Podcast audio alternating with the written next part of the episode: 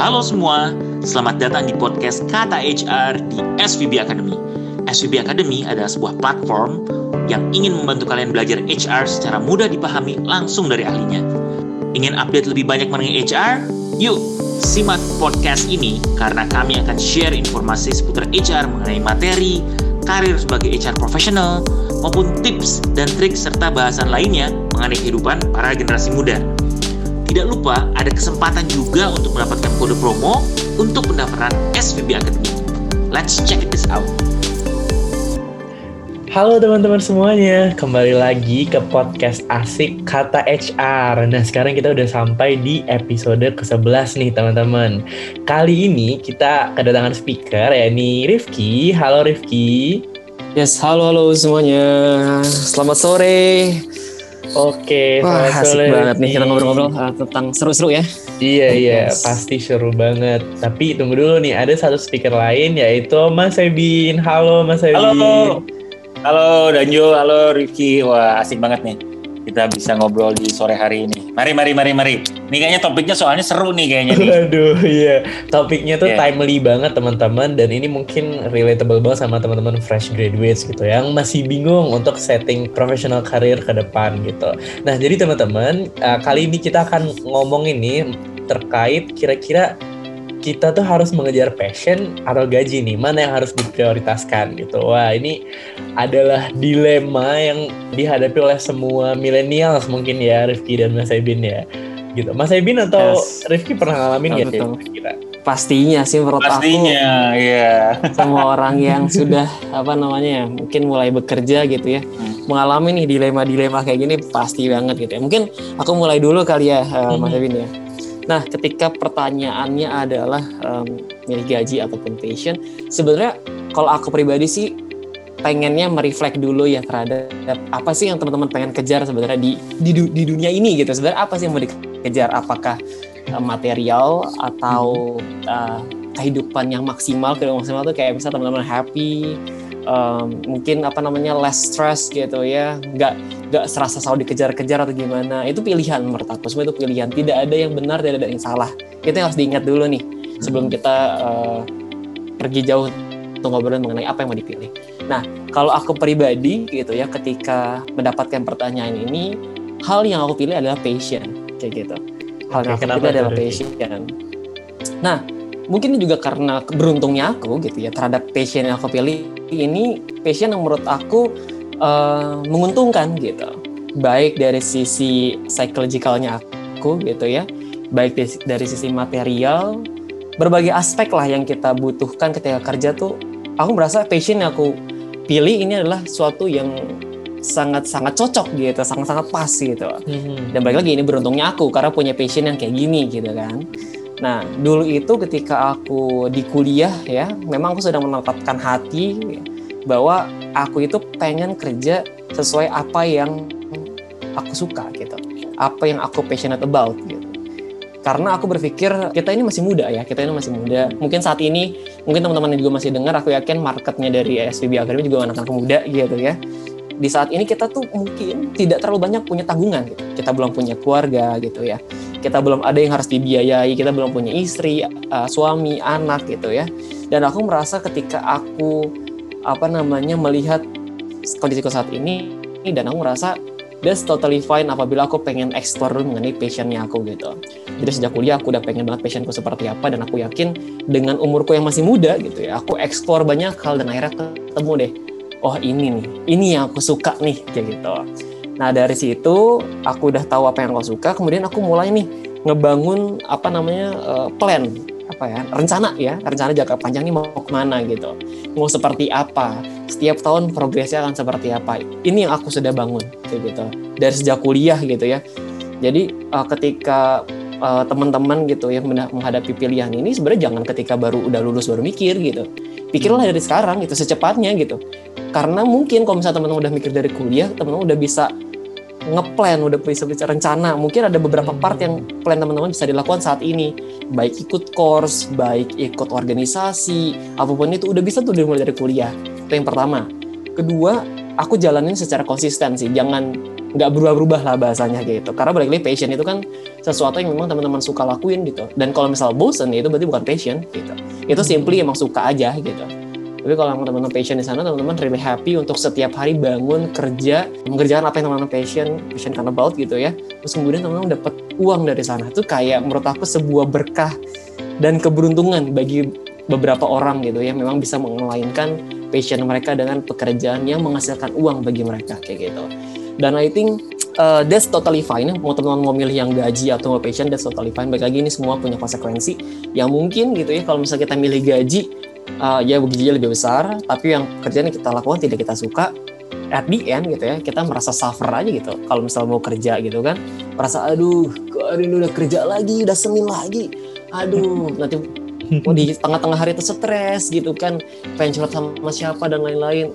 Aku merasa itu that's not the life yang pengen aku jalanin sih kayak gitu. Itu sih kalau dari aku pribadi. Mungkin boleh banget dari Ebi nih silakan Oke, okay, thank you Ki. Waduh, menarik banget ya dan dan, dan ya I think beberapa gue pengen pengen setuju banget nih sama Rifki nih karena merasa bahwa dari mulai awal ya penting banget nih untuk tahu ya uh, hmm. passionnya dari awal tuh apa. Nah, terus sebenarnya kan ada misalnya mengenai passion atau gaji dulu gitu ya. Itu menurut gue atau penghasilan dulu ya. Menurut gue sebenarnya itu bisa bareng nih kayak sama kata Rifki bilang ya beruntung banget orang bisa yang passionnya dapat juga terus udah gitu penghasilannya juga sesuai juga gitu. Nah, cuman mungkin nggak selalu seperti kayak gitu ya. Gue hmm, mau uh, memberikan sebuah pandangan aja dari my personal view gitu. Menurut personal view gue, in long run itu selalu uh, your calling atau passionnya itu akan akan menurut gue lebih lebih akan sustainable dan membuat lu jadi lebih maksimal baik dari hmm. kehidupan, happiness, achievement gitu ya. Kalau misalnya memang passionate dan memang senang di uh, di situ ya. on in the long run ya jadi maksudnya yes. My case itu berpikir bahwa waktu waktu gue baru lulus, wah ini kayaknya harus cepat dapat kerja nih ya karena perlu penghasilan atau segala macam. Jadi gue uh, mengambil langkah atau area di mana yang gue ya bisa nih bisa dan terus sudah gitu cukup senang uh, bukan cukup senang ya bisa dan dan dan gue melihatnya uh, area itu uh, bisa membantu gue juga di karir gue berikutnya gitu. Jadi gue background gue accounting, gue sebenarnya nggak terlalu senang accounting, tapi gue merasa bahwa ya udah gue untuk dari sisi penghasilan ini yang paling uh, ini penting nih buat gue ya. Jadi gue sustain dulu gue bisa gue kerja dulu di situ di area itu dan gue bisa banyak belajar juga. Nah walaupun passion gue HR nah setelah beberapa lama baru gue move ke HR di mana gue udah merasa agak lebih settle terus sudah gitu bisa lebih berani. Dan uh, eh, gue juga akhirnya memiliki additional knowledge nih dari sisi finance yang membuat gue bisa jadi lebih lengkap aja nih ya kalau jadi seorang profesional gitu. Jadi ya tantangan lah ya hmm. untuk bisa jadi added value nih dari kitanya. Nah gitu sih kalau dari dari pandangan gue secara secara singkatnya kayak gitu nih Ki sama Danjo. Yes. Hmm. Oke Mas Ebin, menarik banget nih tadi uh, Mas Ebin cerita bahwa uh, backgroundnya itu berbeda dengan passionnya gitu. Nah tadi Rifki juga cerita ada so. sebuah proses untuk finding out gitu, what what we really like gitu. Nah yes. kalau di Mas Ebin sendiri gimana sih proses itu? Uh, gimana akhirnya Mas Ebin uh, mantep nih kayak wah dunia gue adalah HR gitu. Oke, okay. jadi memang itu sebenarnya ada journey-nya ya. Jadi yang pertama pas pas kuliah gue merasa memang seneng nih. Oh oke, okay. kayaknya ini sesuatu yang gue cukup seneng ya sama orang, organization cuman gue memang banyak juga senangnya. Gue musik gue seneng juga apa passion gue ini gitu ya. Yes. Terus udah gitu ya banyak lah gitu ya. Cuman uh, along the way uh, gue kan nyobain nih ya. Gue nyobain function-function yang jadi gue nyobain. Gue begitu lulus karena gue didesak bahwa gue harus segera kerja untuk penghasilan apa segala macem ya gitu. Akhirnya gue masuk nih sebuah kantor akuntan. Gitu. nggak lama gue hanya beberapa bulannya karena gue ternyata oh ternyata nggak seneng ya gue ya gitu. Terus gue sempat juga di tempat oil and gas. Wah aduh gue juga kayaknya ternyata nggak terlalu cocok nih di sini. Sampai akhirnya gue ada ke sebuah tempat kerja di mana gue merasa ah ini asik nih. Nah walaupun itu masih di finance gitu. Udah jalan set. Ah, gue ternyata pengen tetap HR akhirnya gue pindah ke HR jadi ada journey-nya dan di setiap journey itu membantu gue nih untuk menentukan mana yang gue nggak suka. Gitu. Ya, ya, betul. Jadi oh ini gue nggak suka nih, gue nggak suka. Jadi nanti ke depannya gue nggak akan ngambil-ngambil lagi karena ya gue nggak pengen gitu. Nah orang ada yang di gifted untuk cukup berani dia mengambil keputusan dari awal. Ada juga yang cukup gifted untuk dari awal dia tahu dia pengennya apa. Nah gue perlu jalan dulu sih kalau gue gitu untuk tahu oh ini nggak bisa. Oh ini gue nggak suka.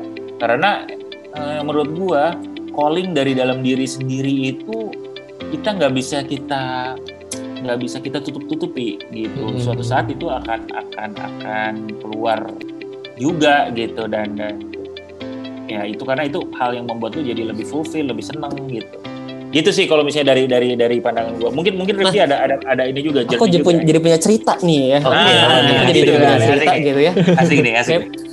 Jadi memang dari dulu itu kan yang tadi sempat sampaikan juga ya, waktu kuliah pun aku pernah nyobain beberapa faknya juga sama kayak Mas Eben gitu ya. Aku Hmm. bahkan dulu pernah ke seni nih teman-teman. Pernah Ah. peran gitu ya. Asik, asik. ngedance dunia gitu. entertainment ya berarti ya Dunia ini entertainment gitu. Oke. Pernah tuh di zaman-zaman itu.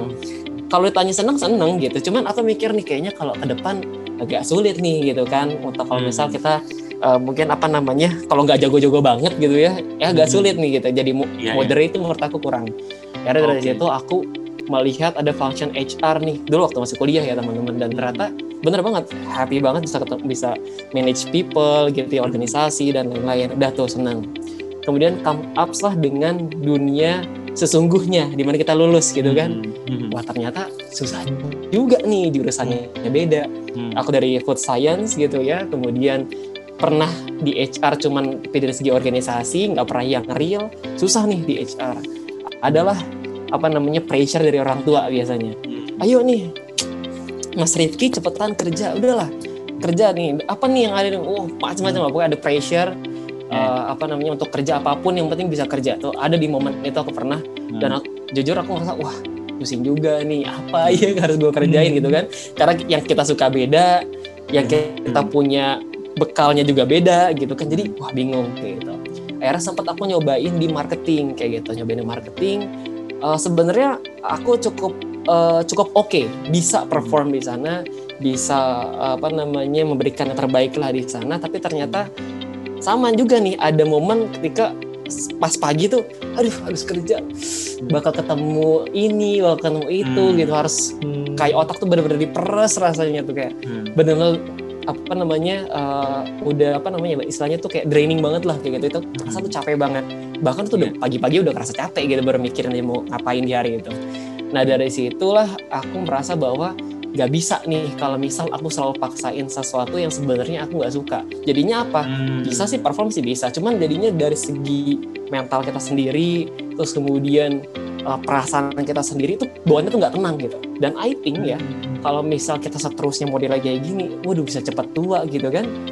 Setiap, makin cepat ubanan gitu kan Iya, makin iya, banyak bener kerut di juga. muka gitu kan? Betul betul betul, Akhirnya betul. dari situ berpikir wah kayaknya uh, mulai dari sekarang karena mungkin I think uh, apa namanya kalau nggak sekarang tuh kapan lagi gitu kan semakin dini aku sadar semakin dini aku prepare itu bakal lebih baik kayak gitu nah saat Hmm. itu akhirnya uh, tapi saat aku uh, saat itu aku tahu, tahu diri lah aku mungkin belum bisa yang langsung gimana banget aku start lah dari intern walaupun saat itu intern dari Hmm. HR masuklah di situ ternyata wah gila happy banget walaupun ya kita nggak terlalu banyak ya tahu yang secara profesional atau kayak gimana tapi happy buat belajarnya gitu.